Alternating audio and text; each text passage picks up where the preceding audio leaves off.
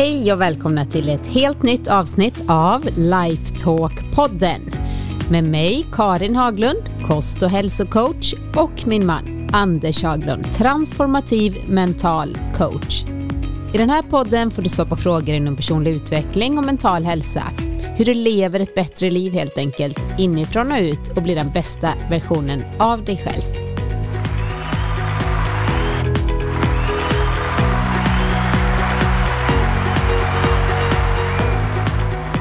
Hej Anders! Hej Karin!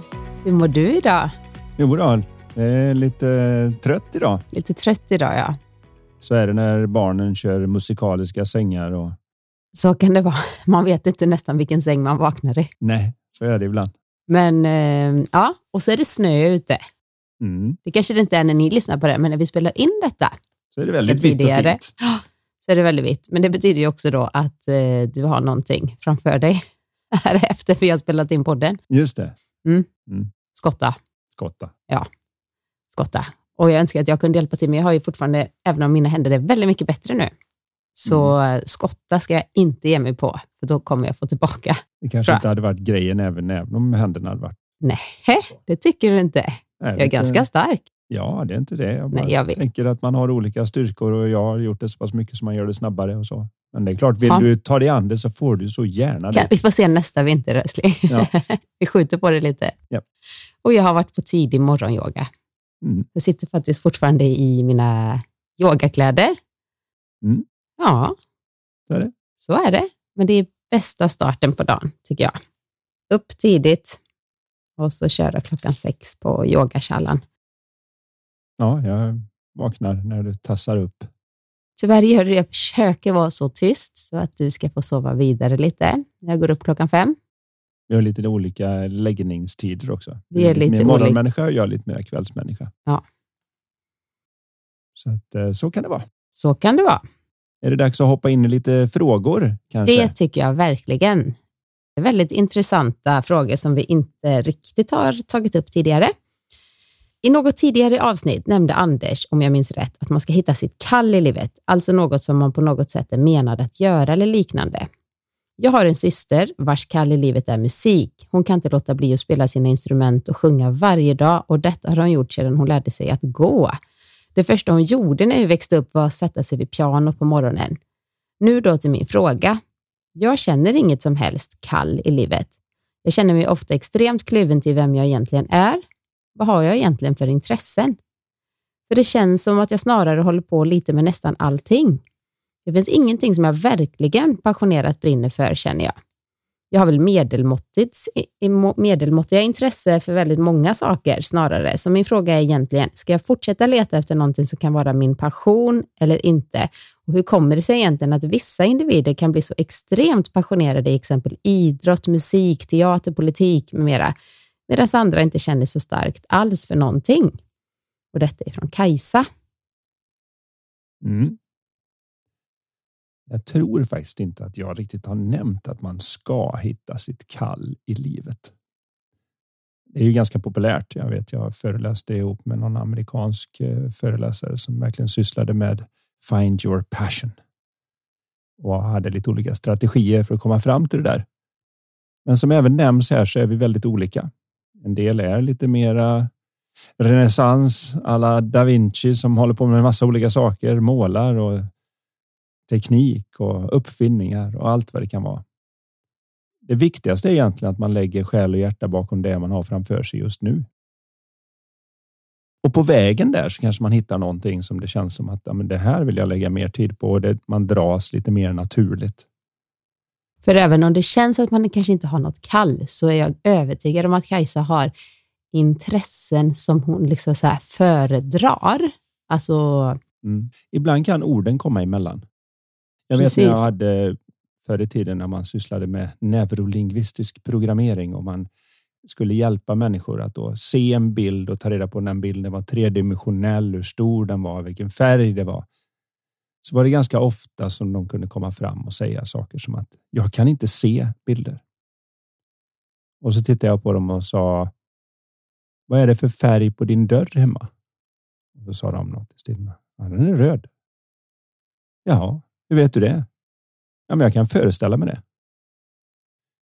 Så jag kan inte se, men jag kan föreställa mig. Så vi har lite idéer om det här så att ibland kan det bli så stort med ett kall. Det är som när man pratar insikt. För en del är liksom en insikt någonting som är att jag måste bli nedslagen av min kamel med en stor blixt och ramla ner i sanden och prata med brinnande buskar och äntligen se hur hela universum går isär i sina atomer och allting är klart för mig. Då har jag fått insikt. Och för mig är väldigt ofta insikt i stort sett bara att jag känner att jag tittar på någonting som jag inte riktigt såg förut och tänker dö. Varför har jag inte sett det förut? Vi kommer emellan när vi känner att jag måste ha ett kall eller jag måste hitta min verkliga passion och jag måste veta vem jag är. De som har mest problem av alla klienter jag haft mellan åren, de som funderar väldigt mycket på vem är jag och hur går det för mig? Man ska det... försöka hitta sig själv. Om ja. man reser runt i hela världen och man söker i, efter böcker, man lyssnar på poddar och om man verkligen försöker, och det har vi pratat om mycket i podden, att ju mer vi ibland försöker, desto mer gör vi det nästan svårare för oss än när vi mera låter det ske. Vi missar ju att det är väldigt svårt att hitta sig själv för att man är sig själv hela tiden oavsett. Men vi har olika mycket tankar kring det. En av de roligare episoderna jag haft var för länge sedan, till och med innan jag träffade dig. Så hade jag en psykolog som kom till mig och sa att han skulle avsluta sin praktik. Jag undrade varför och sa att jag har börjat lista ut nu att jag kom in i det här med idén att jag skulle ta de människor som kom till mig och så skulle göra dem gladare. Men nu efter att ha suttit ett antal år med det här timme ut och timme in varenda dag så inser jag att jag gör ju inte dem gladare. De gör mig deprimerad. Det här går ju inte. de vinner liksom. Och då frågar jag liksom, vad ska du göra nu då? Nej, jag har några fobiker kvar eftersom du är duktig på fobier. Så om du kunde ta dem ifrån min agenda, då är jag klar. Då kan jag lämna med gott samvete. Så om du kan åta dig dem så är jag klar. Ja, jag frågade, vad ska du göra då? Nej, men jag ska åka till Indien och hitta mig själv. Och då tittade jag på honom och sa att det kan jag hjälpa dig med direkt. Hur då? Du är här. Det tyckte inte han var speciellt roligt i den sits han var i. men, men ganska ofta missar vi det att vart vi än åker, där är jag. Vart jag än tänker och vart jag än tittar och introspekterar och navelskådar och håller på. Jag är fortfarande där. Det är jag som tar titeln. Och det är väldigt svårt när man jag tar titeln att hitta mig. Så att det blir en sorts cirkulär bevisföring. Nästan som när man pratar med någon som är riktigt dogmatiskt religiös och man frågar liksom. Ja, jag tror på Gud. Jaha, men hur vet du att Gud existerar? Ja, det står i Bibeln. Hur vet du att det som står i Bibeln är sant då? För att Gud har skrivit den. Den kommer du aldrig komma ur. Den kommer bara gå runt, runt, runt, runt, runt, runt. Det går aldrig komma ur den för den ena bevisar den andra och ingen av dem är bevisad för sig själv och det är därför man kallar det tro. Och det blir detsamma när jag söker mig själv. Så att jag vill gå in på den och säga att man kanske kan vara så att Kajsa har fastnat lite i det här med att det ska vara ett kall och tanken på vad ett kall är. Det ska vara på ett speciellt sätt. Det ska kännas på ett speciellt sätt. Och ibland missar man att man kanske är mitt i det i sina vanliga intressen. Mm. Det som jag önskar ibland att jag vore så här supertalangfull på någonting. Alltså sådär riktigt det som kanske med musik eller eh, alltså någonting som man bara sådär ett enastående talang för någonting. Men min talang är snarare att jag är väldigt, väldigt bra på mycket. Men jag är inte supertalangfull i något. Men jag är helt okej okay med det. För jag har väldigt mycket jag ska säga, bra saker jag, som jag älskar att göra. Så jag har inte heller, det var ju som någon när jag började utbilda mig inom kost och hälsa, en del nördar ju in sig till exempel i näring, i biokemin bakom liksom. Alla kemiska substanser bakom olika vitaminer, mineraler. Och jag får nästan så här, du vet, det kliar på mig när jag tänker på det, för att det blir så nördigt och så detaljerat för mig. Och jag har ju kommit på att mitt kall mera då, om man säger, eller min passion, det är ju just att sy ihop de här delarna med livsstilen, det både kost, hälsa, det mentala, andning, sömnen, alla delar, hur vi är, tacksamhet, kärlek, är med och påverkar hur vi mår. Och just där är jag bra på att se helheten och hjälpa människor att få till de praktiska förändringarna.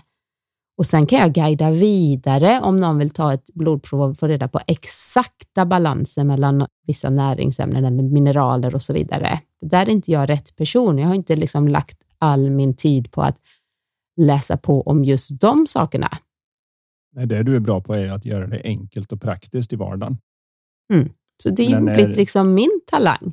Men jag har ingen sån där supergåva att, ja kanske i och för sig då att typ organisera och så och få det att bli mm. lätt.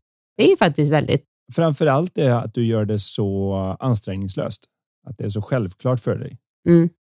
Jag gillar ju det som Einstein sa en gång i tiden, att alla människor föds som genier, men om man bedömer en fisk för dess förmåga att klättra verkar alla vara idioter. Och precis som vi är olika långa och olika kön och har olika kroppsform och så vidare. Så har vi olika saker vi är bra på. Och jag tycker att hela den här mediekulturen har blivit att man ska vara bäst eller så räknas det inte. Det är svårt att vara bäst när man nu ska dessutom jämföra sig med åtta miljarder människor som vi blev för ett litet tag sedan. Mm. För det är bara en av åtta miljarder. De och jag tror inte, inte att alla ska vara supertalangfulla på just en specifik sak. För det hade blivit... Nej. Men sen är det jätteunderbart med någon som är så fantastiskt duktig på att måla så att vi andra kan ta del av den konsten. Eller någon som sjunger så att det liksom, man bara gråter när man lyssnar. Det är väl fantastiskt, men jag tror inte vi är... Ja, det är ju ingen som vet, det är min tro då, som ni hör. Att alla är menade att liksom ha en sån där supertalang. Ja, men det är det jag ville få fram när man säger att jag kan inte påminna att jag har sagt att man ska finna sitt kall eller så där. Utan man gör det bästa med det man har framför sig. Jag tror vi varit inne lite på något avsnitt när vi pratade om liksom arbete och sådär, när du har sagt liksom det som känns enkelt för dig, det som mm. du känner är roligt och det liksom din passion och det har vi varit inne och nosat på. Men så kanske hon har hakat upp sig lite här på att ja, men jag, jag Hur ska jag veta vem jag, jag är? Vad ska jag, jag göra med jag, mitt liv? Liksom? Precis.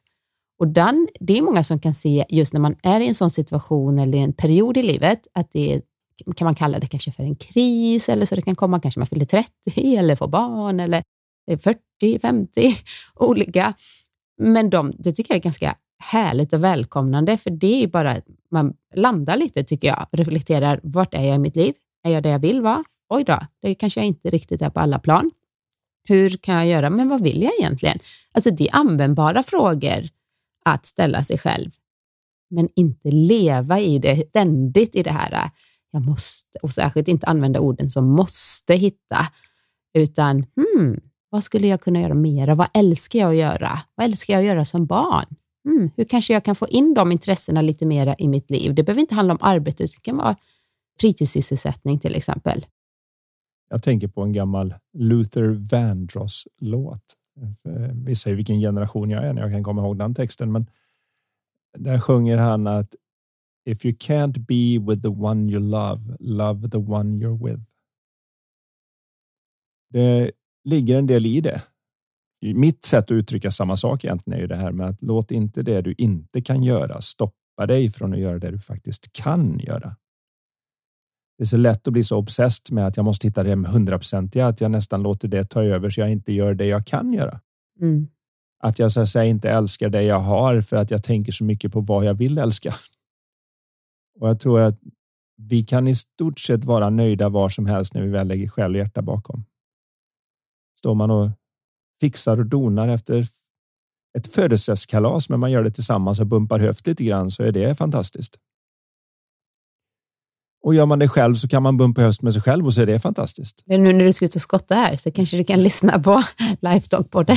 ja, det tar upp den gamla Luther Vandross-låten ja, får mig att fundera på om jag kan älska min lilla snöslunga och min skyffel. Ja. Men just vi har en unik möjlighet som människor, just det här att vi kan faktiskt ha kul och göra vårt bästa var vi än befinner oss. Det är en form av fabriksinställning för en människa. Om du frågar någon, liksom, okej, okay, nu ska du diska. Skulle du kunna göra det till det bästa av din förmåga och ha roligt medan du gör det? Svarar man inte ja på den så har man inte tittat till, för det, det kan man. Nu ska jag plocka ut tvätten. Kan jag göra det till bästa förmåga och ha kul med? Ja, det kan jag. Men jag har inte lust, för det är inte rättvist och jag tycker inte där det där. Okej, okay, kör vi loss den hela. Så kan det du... kanske blir svårt om man skulle jobba med att hänga tvätt åtta timmar om dagen till exempel. ja. kanske det blir en mer en lite mer utmanande att göra roligt, men många kan ju tycka att de jobben är väldigt sköna, till exempel när det blir någonting som bara, alltså säg att man jobbar i en fabrik eller liksom gör någonting, ett visst arbetsmoment, för att det krävs inte så mycket tankekraft, utan man kan, det blir nästan lite meditativt. Ja, det blir väldigt mycket som ett mantra när du har en rörelse att göra och du kan den extremt bra. Då kanske man kommer mer i kontakt med sina arbetskollegor och sådär. ja, kanske man sitter och pratar eller eh, för att det kanske själva jobbet är inte så stimulerande. Jag kommer ihåg när en gång i tiden då när jag spelade en av de första som hjälpte mig var en man, väldigt trevlig man som heter Börje Bengtsson som hade Oskar Jakobsson som ligger här i Borås om ni undrar över dialekten när ni hoppar in. Och han sa en gång då eftersom han sponsrade mig med kläder och lite pengar för att jag skulle kunna ta mig runt och spela. Vilket var väldigt uppskattat. Men så en vinter där så sa han det. Ska du inte göra något vettigt? Och jag tyckte liksom vadå vettigt? Jag ska träna. Ja, men jag kan ordna så att du börjar jobba på tidigt på morgonen så kan du gå hem två istället. Så har du eftermiddagen att träna. Så får du tjäna lite pengar. Han förstod väl det att det är bra för en ung man mm. att få någonting att göra mer än att dra och vänta på nästa träningspass. Mm. Jag tror att han såg det, för jag tror inte det var att han, han hade lika väl kunnat sponsra mig med de pengarna som mm. han hade det, självklart. Men jag kunde inte sy, så det var ju borta. Jag kunde inte skära och designa, så det var borta. Så det var rakt ner i pressen när produktionen fortfarande låg här. Och så stod jag då och det första jag fick göra var att pressa uppslag, de här små uppvikningarna längst ner på herrbyxor. Och när jag hade gjort dem så skulle jag skicka vidare dem till en kille som hade stått 44 år vid samma maskin. Han hette Arne. Och Arne var magisk att titta på. Han tog en galge och så sa det swish swish och så hängde byxan perfekt och det var som David Copperfield. Man förstod inte hur det gick till riktigt. och samma sak när han la ut den på maskinen så sa det swish swish och så låg den perfekt och så tryckte han på två knappar och så kom den här stora maskinen ner och pressade och så swish swish och så skickade han vidare till nästa som skulle då pressa överdelen vid gylfen och annat. Men man såg hur meditativt det där var. Han var ju, inte, han var ju fin med det. Liksom. För jag och så en liksom, yrkesstolthet för, ja, också. En enorm yrkesstolthet i att göra detta det. så bra så att ja. det var galet. Man såg att han hade utnyttjat dagarna till att göra det här bättre och bättre och bättre och bättre och bättre. Han har funderat på hur är rörelsen där så han kan tjäna tid. Mm. Kanske för ackordet, men oavsett, ja, det fanns ja. en stolthet i det där. Mm.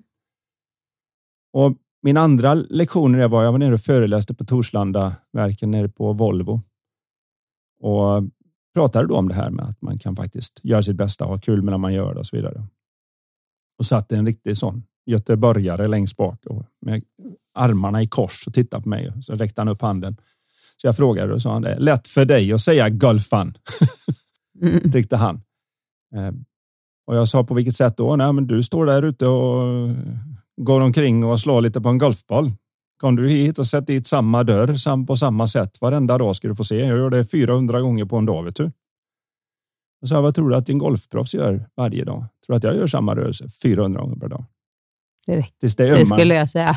Jo, det gör det. För över, kanske 400, över 400 bollar. Gånger. Okay. Ja, 400 bollar kanske man orkar med. Sen går man lite hål och chippar och puttar och bunkerslag och alla de andra delarna också. Men jag tänker 400 slag blir det ju säkert. Ja, visst. Så det är 400 gånger. Så hur kommer mm. det sig att jag står där och tycker det är kul? För det är en ganska tuff rörelse. Man kan få lite ont i både axlar och rygg och höfter och knän och lite varstans. Det är slitage. Det är mm. samma rörelse om och om och om igen. Och jag kommer ihåg hur förvirrad han såg ut när han funderade på det och insåg att vi gör samma sak, men jag tänkte på ditt jobb som kul och mitt jobb som tråkigt. Mm. Och han sa i pausen sen att det där gjorde någonting för honom när han insåg att var jag kommer ifrån in i det jobbet avgör lite grann att det, det finns en möjlighet. Jag säger inte att det är enkelt eller att man ens ska. Upp till var och en. Men att möjligheten finns kan ingen debattera. Att möjligheten finns att gå in där en dag i taget. Skulle jag fundera på att nu ska jag göra detta i 15 år, 400 bollar varenda dag. Det skulle bli överväldigande. Men kan jag göra mitt bästa med de här 400 slagen jag ska slå idag? Japp. Men inte ens det orkar jag riktigt. Så vad jag gjorde istället var att jag sa okej, okay, jag ställer klockan här nu så kör jag 30 minuter. Och så slog jag bollar i 30 minuter. Och så gick jag och tog lite vatten och tog en liten paus. Så gick jag tillbaka och sa okej, bara de här 30 minuterna nu ska jag tänka på att hålla höger knä still. Och så varenda om tanken vandrade iväg något annat så nej, nej, nej, nej, nu tränar vi 30 minuter höger knä still. Och så något annat kunde det vara, hur så här ska armbågen vika sig framför kroppen så jag hamnar framför kroppen mina armar. 30 minuter, 30 minuter. 30 Det är ju det minuter. att det ser så enkelt ut för folk när de kollar kanske på golf på tv eller någonting så här, som att åh vad det ser så lätt ut. Ja, men det kommer ju inte naturligt. Det är väldigt få som föds med liksom perfekt sving, utan det är något man har tränat sig till. Ja, Det är samma, jag inte tänker på jag som åkte konståkning. Det är verkligen en sport som ser ut som så här, man ler och man har fin klänning och lite smink och det ser så lätt ut. Okej, men det är ingen som, om man kollar in i en ishall när det är träning, om man har träningskläder och, och svett, liksom, fastän det är kallt i en ishall så kan du bli väldigt, väldigt varm. Det är tuff träning alltså. Och Om du man kan ha om ont. och om igen. Du kan gråta. Kommer ha, liksom, jag har gråtit hur många tränare som helst för att jag har haft ont, man har kämpat på och man har rest sig upp och man har haltat. Och, men det, när det är tävling, då är det det där smilet på.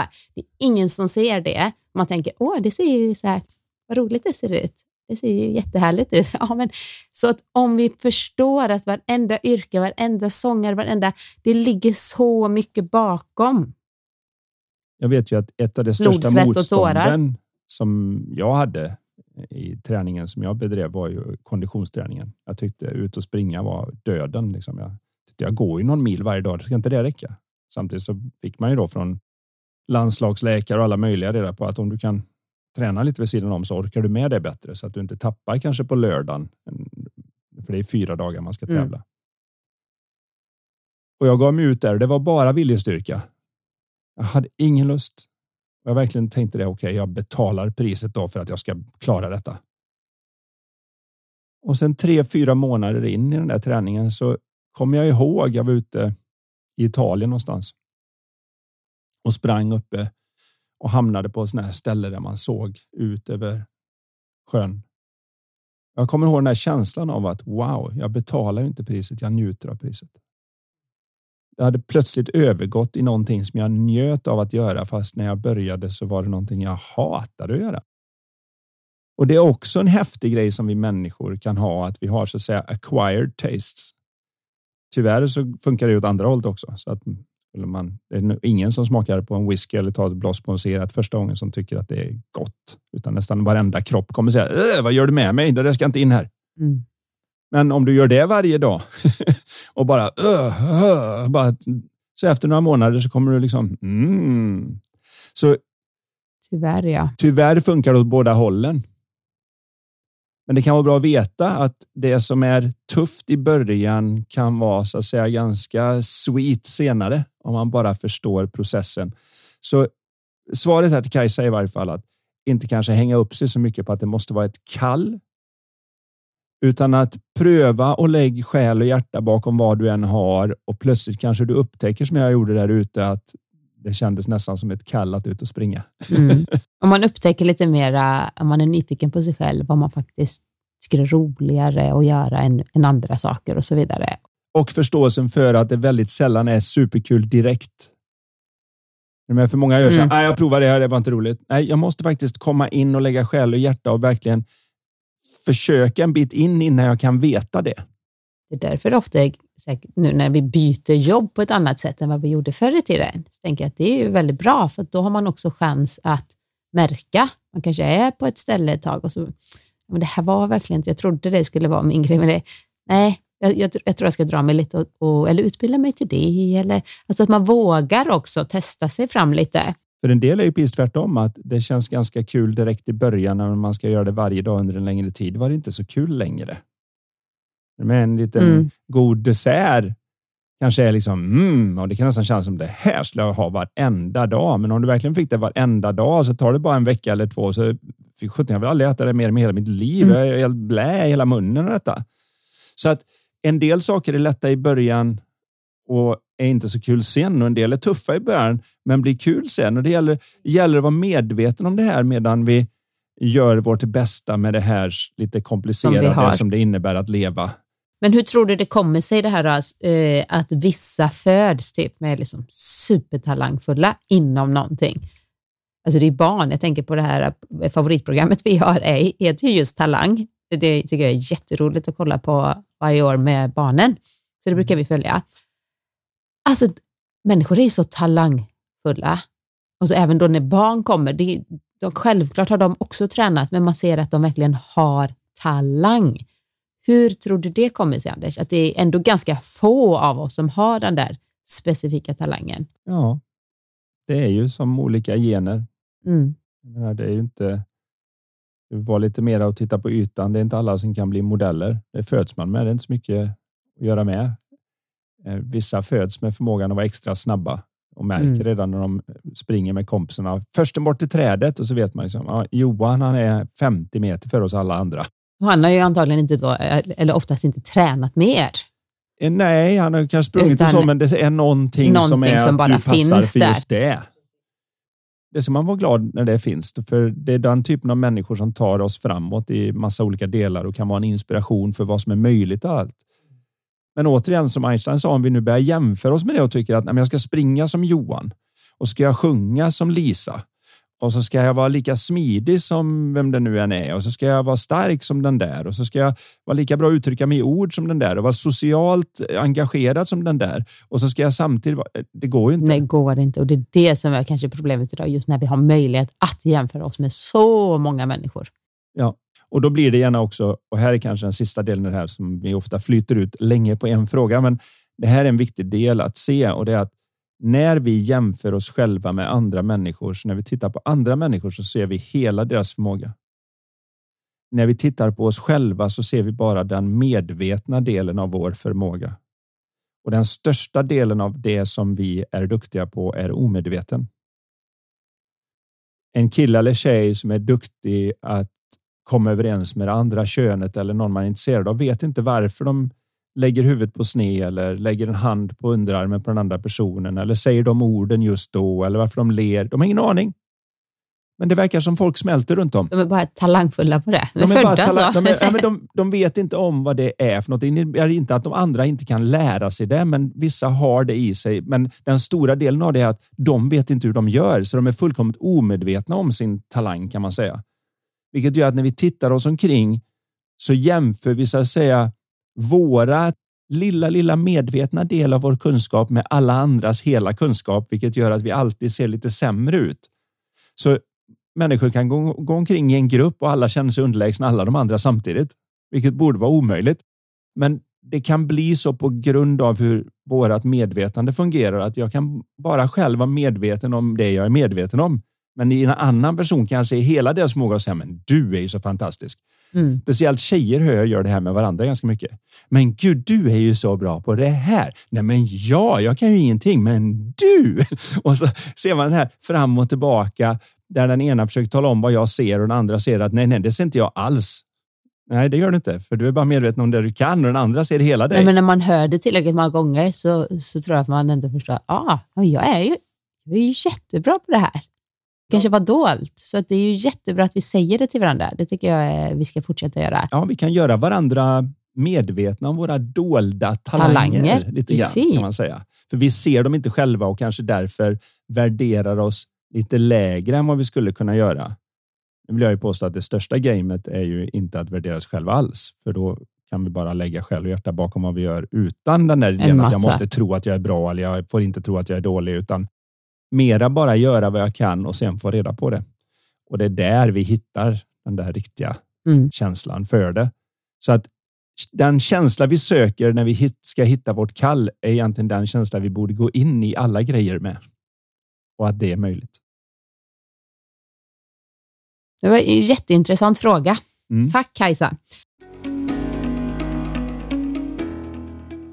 Hej, hej, hej. Nu blir det ett litet avbrott för reklam. Ja, för vi har ju två spännande events här under våren att tipsa om.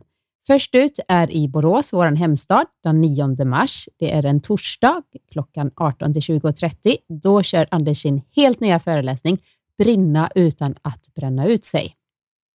Och där kommer jag då ta upp just hur man klarar av det här i den allt snabbare världen att både vara produktiv men behålla sitt lugn och välmående. Så vi inte behöver välja utan faktiskt kan göra vårt bästa utan att det behöver bli en negativ impact. Det är vad jag kommer ta upp där och jag tror det kommer vara oerhört värdefullt för de som kommer dit.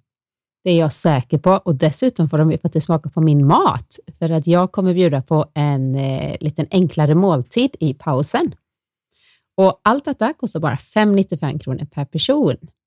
Yes. Så passa på att anmäla er till det nu. Men jag har också en annan sak jag vill tipsa om och det är vår lite större kurs som sker i Stockholm på Lidingö på Villa Lovik och det är den 22 till 23 april. Tema mental klarhet. Med oss båda, men mest med dig. Ja, så blir det ju.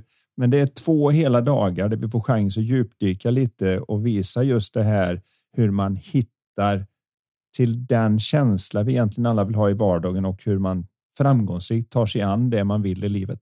Mm. Och egentligen är det lördag till klockan 10 till söndag klockan 1. Så inte riktigt hela inte riktigt fulla hela, två dagar. Nej. Men vi ska få in en hel del där och eh, vi har en övernattning. Så det blir ju Och väldigt ingår. mycket umgänge där, där vi får chans att besvara alla frågor. Och också träffa likasinnande människor som är intresserade av det här vi pratar om i podden, personlig utveckling och mental klarhet. Så passa på att gå in på vår hemsida, lifevision.se eller mejla till mig, karin.lifevision.se. Så eh, yes! ja. Då fortsätter Livetalk-podden. det gör den. Nu går vi vidare till en eh, fråga från Thomas. Hej Anders och Karin, tack för en bra podcast. Jag lyssnade på Anders första gången i Båstad 2014. Han hade en föreläsning för företaget som jag jobbade på då. Sedan dess har jag lyssnat på Anders så mycket som möjligt och läst de böcker han har rekommenderat. Min fråga handlar om mig och min framtida fru. Vi gifter oss snart och jag är väldigt lycklig. Hon är den bästa i världen. Ja, Åh, vad jag här. Ni vet ju nu i det här laget att jag är så känslosam. Jag tycker det är så fint. Ja, eh, däremot tänker jag på andra kvinnor, både sexuellt och känslomässigt. Det är inte för att jag, inte, för att jag vill vara med andra kvinnor. Jag vill vara trogen min framtida fru, mer än någonting annat. Och det är inte för att jag har övervägt eller varit nära att vara med någon annan. Ändå är jag, är jag rädd för framtiden. Jag är rädd att när det kommer barn och saker blir vardagliga, att jag blir frestad att göra något annat. Hur jobbar du med dig själv så att du blir bästa möjliga man och inte vill ha någon annan än din fru? Förresten, både jag och min blivande fru är 30 år. Och det är från Thomas. Mm. Det är en annorlunda fråga samtidigt. Jag som inte heller har haft med i podden, så tusen tack för den. Mm. Vi ser vad ditt, Ja, men jag, vet, jag har aldrig svar. tänkt på att jobba på mig själv med det, får jag erkänna. Vet vad, det, exakt det tänkte, när jag läste detta så tänkte jag att, visste jag nästan vad du skulle svara. Att Det är ingen man behöver liksom försöka, återigen kommer vi tillbaka till det här med att man försöka jobba på det, att, att så här, utan det kanske mera ta en titt i andra riktningen. Den viktiga biten här är ju att se just att tanke är det mest kraftfulla som finns när vi går på att den är på riktigt och det mest kraftlösa som finns när vi ser att det är en tanke. För då kan det inte göra något med oss som inte vi vill. Vi kan använda den om vi vill. Vi kan inte använda den om vi vill, men vi ser att det är tanke är mera som något som hamnade i förslagslådan. Och då spelar det ingen roll om det skulle råka poppa upp en sån tanke. Det blir ju lite som förmodligen när det är så här kallt och snöigt och det börjar bli vinter så kommer man och går med en jacka på sig. Och så går jag förbi ett skyltfönster och ser en annan jacka som hänger där och tänker, nej men vilken fin jacka. Det innebär inte att jag måste gå in och köpa den. Jag kan väl uppskatta jackan som den är. Mm. Och jag ser det lite grann samma om man skulle se en attraktiv person på stan. Man kan väl uppskatta att det finns en attraktiv person utan att jag måste byta jacka. om Mm. du förstår vad jag menar. Precis. Så att, och det gäller ju samma som med konst och alla möjliga andra ställen där man ser en tavla på ett museum och tänker oj, det var en jättefin. Det hade passat hemma hos mig. Ja, men jag sliter inte ner den från väggen bara för att jag springer iväg. Utan man kan väl uppskatta det för var det är. Det kan har- ju kanske bli jobbigt om man tror att man inte får tänka de tankarna. Så att, oh, okej, nu ska jag gå in på det här museet, men jag får, gud, tänk om jag börjar tänka att jag vill ha den tavlan. tavlan. Och så blir Och man då nästan blir jag ju rädd. tvungen att ta den så jag vågar inte gå in på museer längre. Nej, men alltså lite så att man kan skapa så mycket i sitt eget huvud. För jag tänker det allra viktigaste med den här frågan, det är ju just det här. Jag är väldigt lycklig, hon är den bästa i världen. Åh, underbart! Alltså, eller hur? Ja. Var där. Det är som att du och jag skulle börja fundera på, "Åh, tänk sen när vi är 75 och du, ja, då är du lite äldre än mig. Och, hur, hur kommer vi ha det då? Och tänk om, eh, tänk vad tråkigt av barnen och då, ja, nej. Alltså, tänk om, alltså, varför skulle jag ens tänka på det nu? Jag vet jag och, och du gjorde det precis. Ja, det känns. Jag, kan inte ens, jag, kan inte för, jag är inte van att tänka så, så jag kan inte ens försöka förklara vad jag ska eh, visa med det här exemplet. Men det, det är why go there? Alltså framtiden. Men det är ju bra att vara medveten om att okay, jag har en tendens att jag, jag älskar kvinnor. Eller jag, jag liksom ser snygga tjejer överallt och jag blir attraherad av dem. Det är väl jättebra att kanske vara medveten om det då.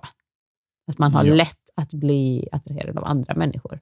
Ja, det är som det stod på Parthenon, den här gamla grekiska byggnaden när man skulle gå in där. Så på grekiska stod, stod det Know thyself eller känn dig själv om jag har vissa tendenser där jag vet att tanken maskerar sig lite extra bra så att det känns som att nu är det på riktigt.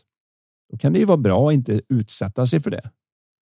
Vill jag till exempel gå ner i vikt och vet att min svaghet är att har man eh, ostbågar hemma så klarar man inte av att äta tre utan det blir hela påsen. Då kanske man inte ska ha påsar med ostbågar hemma. Så att när jag har de svaga ögonblicken så blir det inte lika lätt att falla utan jag måste pulsa genom snön eller sätta mig i bilen och åka och handla det och då hinner jag få en reflektionstid där, där jag kanske överväger om det kanske vore bättre att köpa någon frukt eller något. Eller om man är alkoholist och så har man slutat att dricka, då ska man kanske inte förstår en gå på en fest där man vet att det är väldigt mycket alkohol. Man får nog känna att man är redo att klara av det. Ja, och kanske till och med ta med då att när man har med sig sin partner eller sin, eh, en god vän eller något och säga det att det här kommer vara en utmaning för mig så ser du att det börjar bli lite tufft. Då får du gärna komma fram och säga du, nu går vi. Mm. För man kan behöva det lilla extra stödet.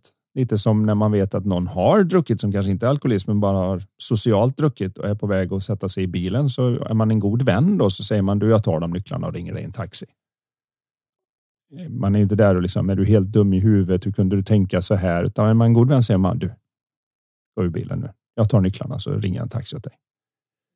Så man lite kärleksfullt så löser man upp de här knutarna och det är så viktigt bara att man vet, ett vet sina tendenser och två förstår att det jag känner kommer från mina tankar och inte från den där utsidan. Hur mycket det än känns som att ja, men det var ju för att det dök upp en sån attraktiv person som jag fick de här lustfyllda tankarna. Ja, fast långt innan den personen dök upp som det känns som den triggade en så har man ju ett tankekontrakt med sig själv som säger att den här typen av person matchar vad jag tänker och när den dyker upp då händer det här. Det har jag ju redan bestämt innan. Vi missar att inte utsidan triggar oss fast det känns så, utan det är mer att vi har ju redan bestämt hur det kommer vara när vi dyker upp i den situationen. Det maskerar sig som att utsidan triggar, men det är tanke som triggar sig själv så att säga det viktigaste är ändå att också det här att man inte är rädd för framtida tankar. Tänkte jag säga. Och, och att man inte tror att man är en dålig person. Jag vet ju för mig då som hade en pappa som spelade i Elfsborg, eh, till exempel vårt bästa lag här i vår stad. Det första jag fick var en fotboll när man växte upp och spelade fotboll. Jag har haft ett antal gånger på en fotbollsplan där jag blev kapad bakifrån som jag tyckte är väldigt orättvist, där man i stort sett ställer sig upp med svarta ögon och den enda tanken man har i huvudet är i stort sett jag ska döda den jäkeln. Men vi sitter ju här och pratar. Jag sitter inte inne på livstid. Det är ju för att någonstans så har man en intuitiv förståelse. Bara för jag tänkte det måste jag inte göra något med det. I, oftast blir det någon form av att man gjorde några blickar eller sa något ord eller stod så där lite pojkaktigt testosteronstint och buffade bröst mot bröst ungefär som och sen så var det inget mer med det. Och kanske om du någon gång gick över gränsen kanske du också sen då kunde be och förlåt. Liksom. Ja, och gick man över gränsen så hade ju domaren både gula och röda kort att dela ut om det skulle varit så. Men det intressanta är ändå det att man har en idé om att där går en gräns som jag inte går över. Mm fast jag kan tänka tanken. Det innebär alltså inte bara för jag hoppar upp efter att ha fått ont i mitt knä och sparkat på knylarna så att precis under benskydden så att det gör jätteont. Och min tanke är att jag ska döda dig. så innebär inte det att jag är en mördare. Men, så bara för att jag ser en attraktiv person och tänker mm, så innebär inte det att jag är en otrogen person. Nej, och man kanske ska börja analysera, hur kan jag som ska gifta mig tänka den här tanken? Babba, babba, babba. För då tar man ju det bara vidare och gräver sig djupare ner i det här. Ja. Utan mera i så fall bara reflekterande, oj, jaha, det, det triggade mig. Så, så sanningen till frågan är ju det att jag har faktiskt aldrig tänkt på att jobba på det. Utan det är just den där förståelsen för att jag måste inte agera för jag får en tanke och tanken ger en känslomässig impuls. Det finns ett fönster däremellan som är olika stort för olika människor. Och om jag då känner mig själv och jag har ett väldigt kort fönster där jag har svårt med impulskontrollen, där jag går Mm. nästan från tanke till handling utan att det känns som det ens är något emellan. Det känns som det är max cellofan emellan. Då ska jag kanske skapa ett system där jag inte hamnar i sådana situationer så mycket. Har jag mera Grand Canyon däremellan som en del människor har, där det är, det är långt emellan tanke, impuls och gå till action. Eh, Ja, då är det inte lika mycket. Och då kan ju, har jag Grand Canyon emellan, då kan det också vara att jag har svårt att sätta igång andra saker. Då blir jag en sån som skjuter upp och grejer. Så att det finns ju någon Goldilocks-zon där jag inte bara går rakt på. Alltså man säger ju alltid att du måste tänka efter före. Ja, men den som väntar eh, har ofta väntat för länge för då är det för sent. Liksom. Vilken av dem ska du göra? Precis. Det handlar om att själv hitta vad det är Goldilocks-zonen där när man får, en, man får ett litet glapp där så att säga, man får möjlighet att tänka efter lite före. Men inte så mycket att det aldrig blir av. Med de saker som jag vill få gjort. Men tillräckligt mycket ett glapp för att det inte ska bli av med de saker jag inte vill få gjort. Så där är ju själva hemlisen och att se att hela den sker i min tankevärld och att det finns en enkel lackmustest på hur bra jag använder min tanke i stunden. Så om jag har tänkt på någonting och jag känner mig energisk och upplyft så har jag använt min tankevärld på ett bra sätt. Om jag känner mig mindre energisk, kanske nedstämd, modfälld, ångestladdad, orolig, osäker, ja, då vet jag, nu har jag använt min tankevärld på ett dåligt sätt. Eller dåligt, men kanske inte ett, Mindre användbart, precis. ska vi kalla det då. Men det är just att man ser att det är ett väldigt enkelt test. Mm. Att det Att här är hur du reflektera. vet vad det är som pågår lite mellan öronen. Känner du dig lite nere så behöver du bara veta, oh, låg tankeverksamhet. Ja, men måste jag inte veta vilka tankar och om det var något på utsidan som triggar mig. Och där, Och måste jag inte nej. veta exakt hur jag ska göra för att komma ur det? Nej, Mm, nej. jag behöver inte jobba på det. Nej, vi det behöver bara vara den lilla medvetna punkten där du vet att jag lever i känslan och upplevelsen av mina tankar ögonblick till ögonblick till ögonblick. Och inget kommer mellan mig, mina känslor och tankar. Det är därför jag kan ligga i min säng och har jag en mardröm så ökar pulsen och blodtrycket och adrenalin skjuter ut från binjurarna. Fast omständigheterna är att jag ligger i min säng. Och har jag en äventyrsfylld dröm eller en lycklig dröm eller en sensuell dröm då i det här fallet så kommer kroppen göra allt det med blod och hormoner och alltihopa. Jag ligger fortfarande i min säng. Därför att allt jag känner följer tanke. Ordet vi använder för tankar på natten är drömmar. Lite som man kan dölja med sitt kall att det bara är att någonting jag tycker verkar kul att göra. Mm. Det, vad gör det större än vad det är? Istället för att säga att när vi tänker 24 timmar om dygnet, det bara pumpar hela tiden. Vi har fått en enorm tankeförmåga som bara sprutar ut tanke. En del användbara, en del icke så användbara, en del skrämmiga, en del upplyftande, en del sexiga, en del eh, äckliga. Men Mm. vi känner vad som än sprutar fram där. Men vi missar själva grejen om vi går på innehållet istället för att se att vi kan att vi har den enorma möjligheten att tänka alla de här sakerna.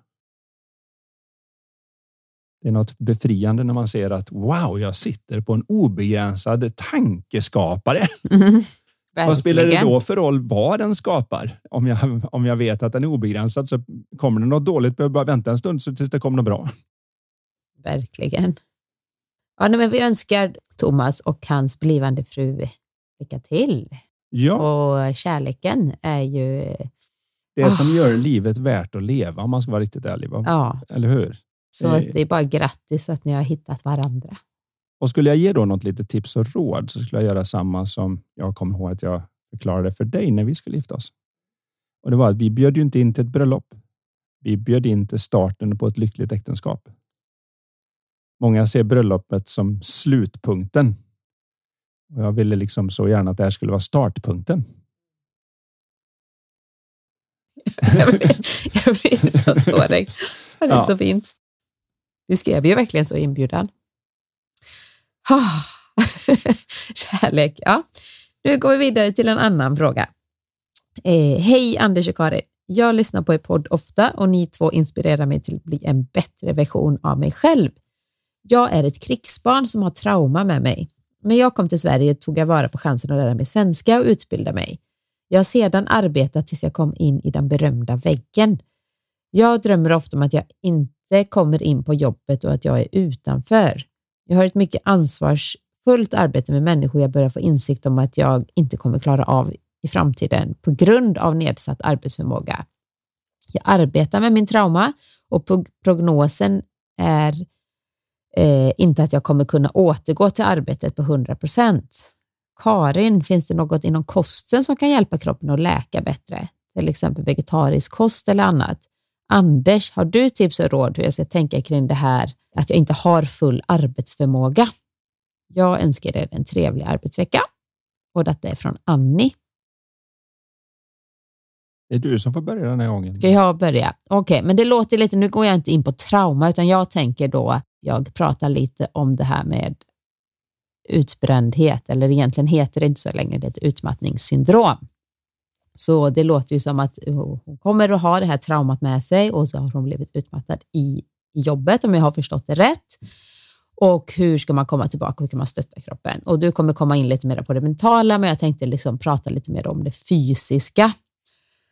Och där finns det ju jättemycket vi kan göra och väldigt mycket som påverkar hur vår fysiska energi, som i sin tur också påverkar hjärnan, för vi är ju en människa.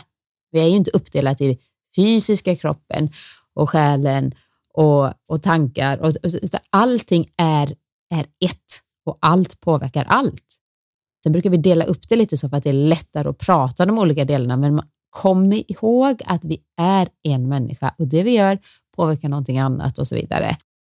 Men det jag skulle säga så är det eh, faktiskt i det här fallet väldigt mycket med att vara utomhus. Att vara ute i naturen är otroligt läkande. Eh, just nu är det snö ute så det är lite svårt att gå barfota, men just bara det här med grounding, alltså att vi, vi jordar oss. Att vi är aldrig någonsin vi är liksom inte menade att vi går runt med skor, vi går på plana golv, vi är inomhus jättemycket.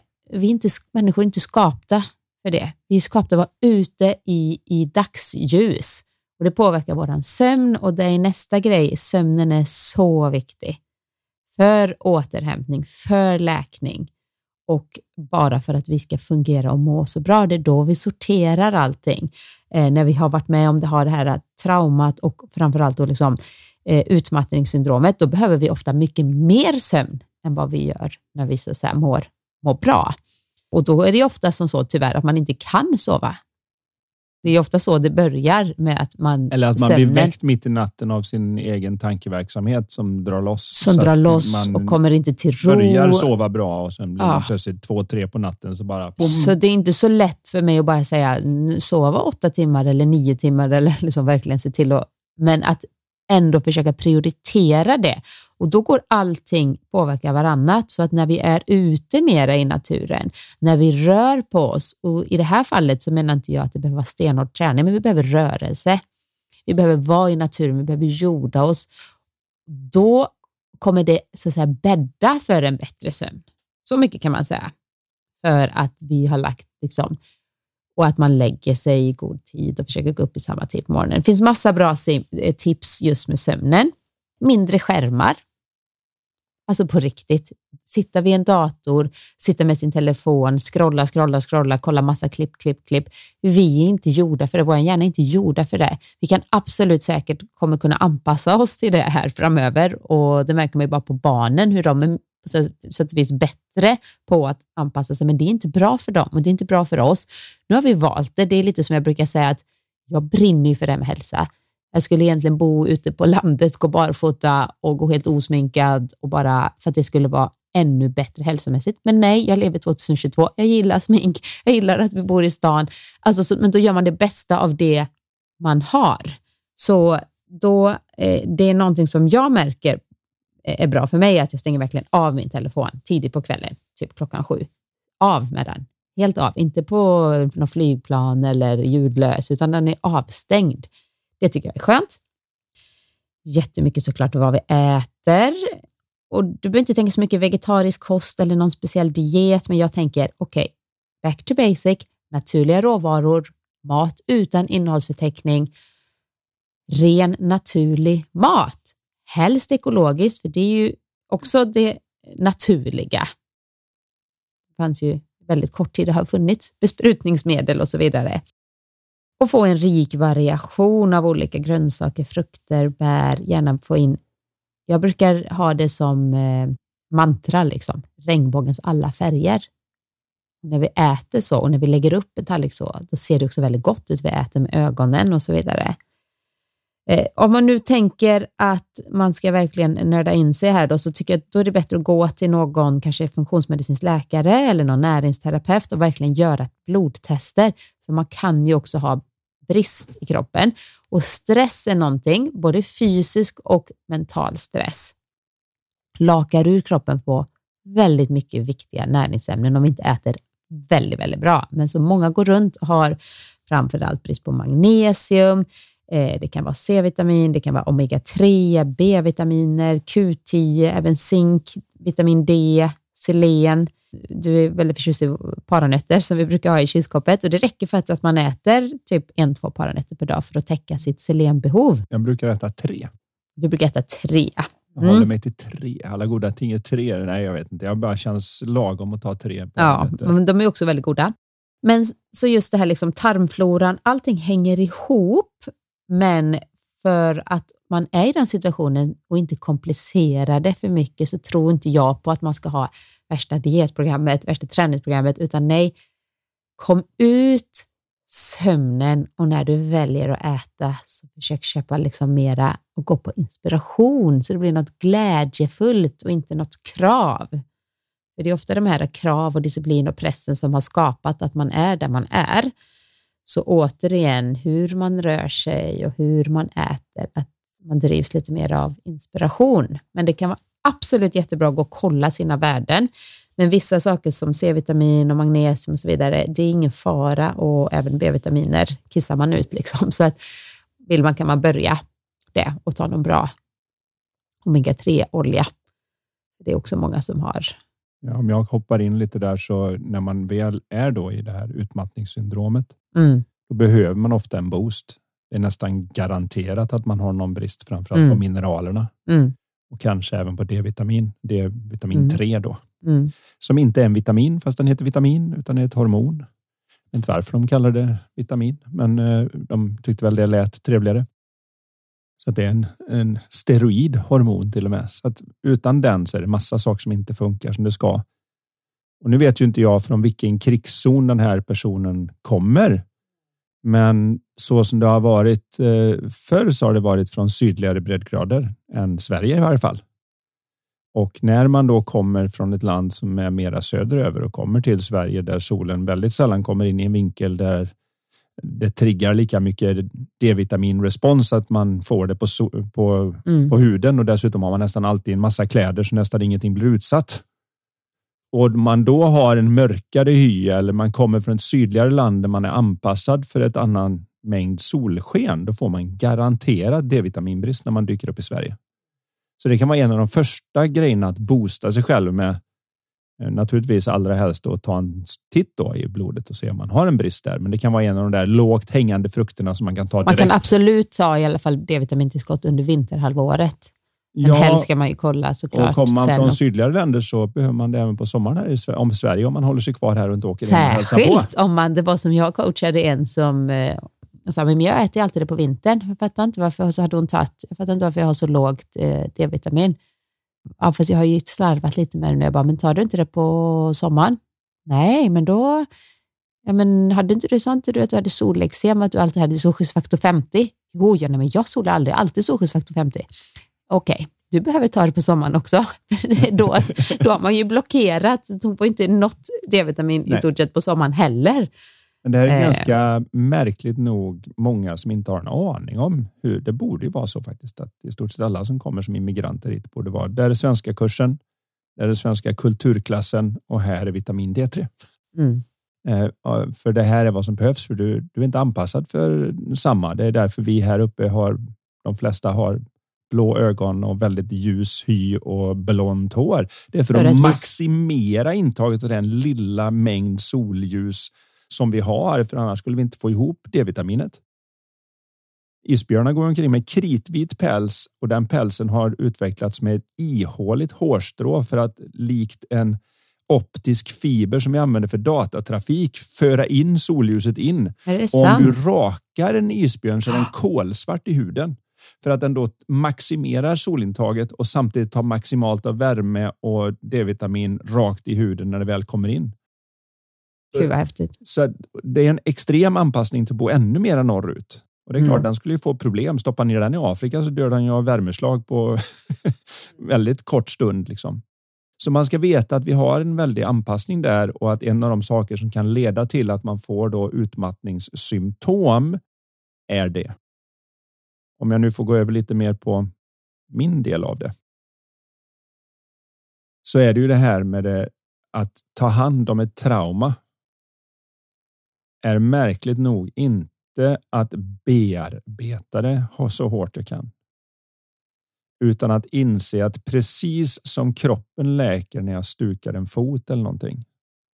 Så kommer jag lägga över vikten på den andra foten och sen två, tre veckor senare någonstans så går jag upp på morgonen, går på toaletten, ställer mig och borstar tänderna och plötsligt upptäcker jag att ha, jag lägger all vikt normalt på foten nu. Men det var inte ett medvetet beslut, utan det var som att kroppen visste att nu är det läkt. Behöver du inte halta längre. Behöver du inte liksom hoppa över med vikten på andra foten. Och samma sak är det när man går igenom olika former av trauman. Att de många tror att vi måste tillbaka dit och bearbeta. Nej, vi behöver lägga undan och lägga över vikten på andra sidan, vilket innebär att vi lägger själ och hjärta bakom det andra vi har att göra.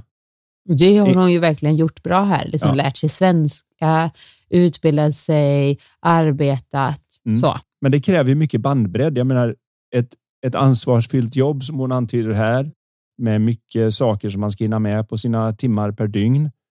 Men ovanpå det, att lära sig en ny kultur, ett nytt språk, nya sociala regler tar väldigt mycket bandbredd som då någon som är född i det inte. Va, det är ju som att cykla.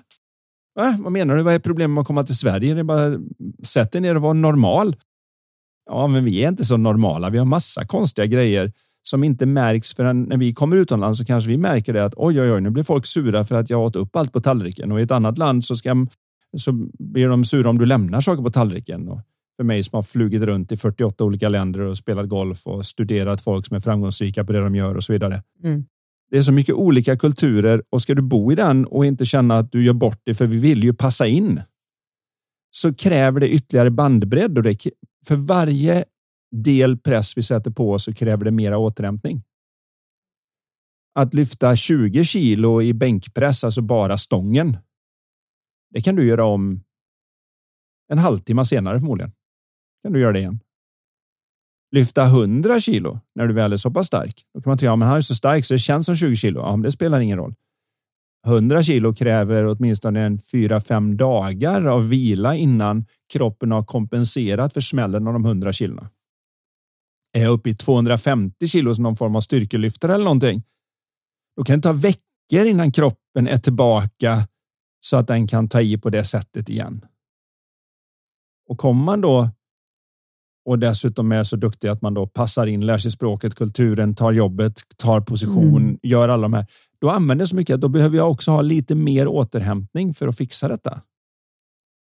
Så det är två delar i det. Ett är mm. återhämtningen och den andra är då som du sa när man rent tar hand om som är mineraler, vitaminer och gör en koll så att man tar hand om det uppenbara först. Och sen har vi den del jag pratar om och vilket är då att faktiskt låta traumat läka. och det läker när jag inte tittar, precis som när jag har ett skärsår. Jag gör rent det. Och så sätter jag plåster och så rätt vad det är när det har slutat klia så är det ny hud där. Kanske ett litet ärr. Men så länge jag inte tänker på ärret så har det ingen större. Ja, för det tänker jag just, liksom så här, vi pratar krig och så, jag kan inte ens föreställa mig, men Nej. det blir ju säkert på samma sätt som fysiska sår, ett mentala ärr, men det kanske kan vara bara så att säga, ärr i framtiden och inte öppna stora sår. öppna sår. För det är ju det som är grejen när du, om du väl har ett skärsår och det börjar läka. Om jag är där och petar med nageln för att kolla hur bra det har läkt hela tiden. Typ som våran sexåring. Ja, kan det i somras? Ja, hon skrapade näsan. Ja, hon höll på med det här Och, och hon kunde inte låta bli tiden. att skrapa så vi trodde ett tag att hon skulle inte ha någon nästipp kvar. och lite så kan det vara med trauma.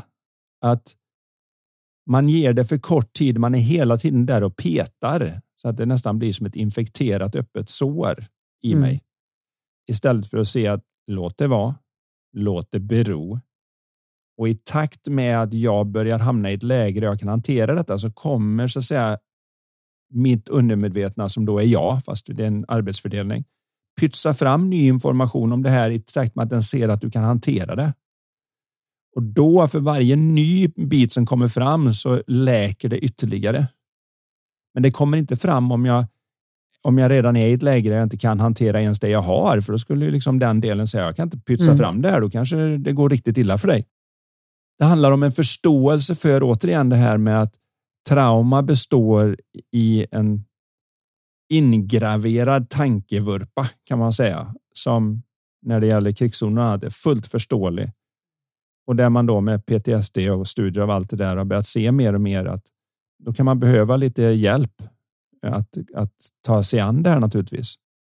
Och sen tänker jag också där att eh, börja få insikt om att man kanske i framtiden inte kommer kunna jobba 100 procent och hur hon ska tänka kring det med full arbetsförmåga. Ja, men det är väl inte skrivet heller i sten och det behöver man kanske inte fokusera så långt fram, men just nu så går det inte. Och då handlar det om behöver- acceptans. Och vem vet i framtiden? Det är ingen som kan säga det. Jag, jag tror att det, man ska inte begränsa sig för mycket heller, men just nu och en tid framöver så, så ska man eh, absolut inte trigga det. Liksom. Nej, och det var det jag ville adressera med att man behöver mer återhämtning. Så att Mm. det är en fullkomligt naturlig del att man kanske går ner på 75 procent eller för att 50 få den här, eller 40, eller, Jo, det, det beror på men det- hur, vart hon är. Ja. Tanken är som allt annat, är ju, om jag har skadat mig, är ju att det är inte en permanent grej, utan det är något man gör tills. Det är en sak som jag vill påstå att nästan hela läkemedelsbranschen och våran sjukvård missar. Är ju att som när min pappa fick en hjärtattack och så får man ju då varan och så får man någon annan tablett för biverkningarna av varanet och vad det nu än är. Och så satte de in någon, gjorde någon ballongsprängning och så gick de in och satte en stent som det heter och öppnade det där blodkärlet. Och nu behöver man då ha det blodförtunnande för att det inte ska liksom börja växa kring det främmande materialet som man har satt in i den där lilla nätfibergrejen som håller det uppe. Men det vet man ju nu att det tar en viss tid innan det läker ihop och sen är det nästan integrerat i blodkärlet. Därefter behöver jag inte längre, men för säkerhets skull behåller man ändå. Ja, för Så man har ingen, skull, för ja, man, har är liksom rädd ingen, att... Precis. man har ingen avslutningshorisont. Man ser inte att jag gör det här på grund av var det befinner sig. Det här ska inte vara kroniskt. För till slut sitter jag annars när man blir äldre med en dosett med grejer som skulle göra vilken frisk person som helst sjuk. Och det är ju återigen ett lackmustest tycker jag på vad man ska göra och inte göra. Det är ju det att om en frisk människa fick det här och Mm. de blir sjuka, då är jag inte helt hundra på att det ska hjälpa en sjuk person att bli bättre. Så vi får, man får liksom ha lite bondförnuft i det och framför allt så behöver man ha en liten horisont med sin läkare kanske och säga det att jag förstår, precis som en bodybuilder förstår att ja, jag, jag kommer ju få vila så här mycket för att det där det passet tog.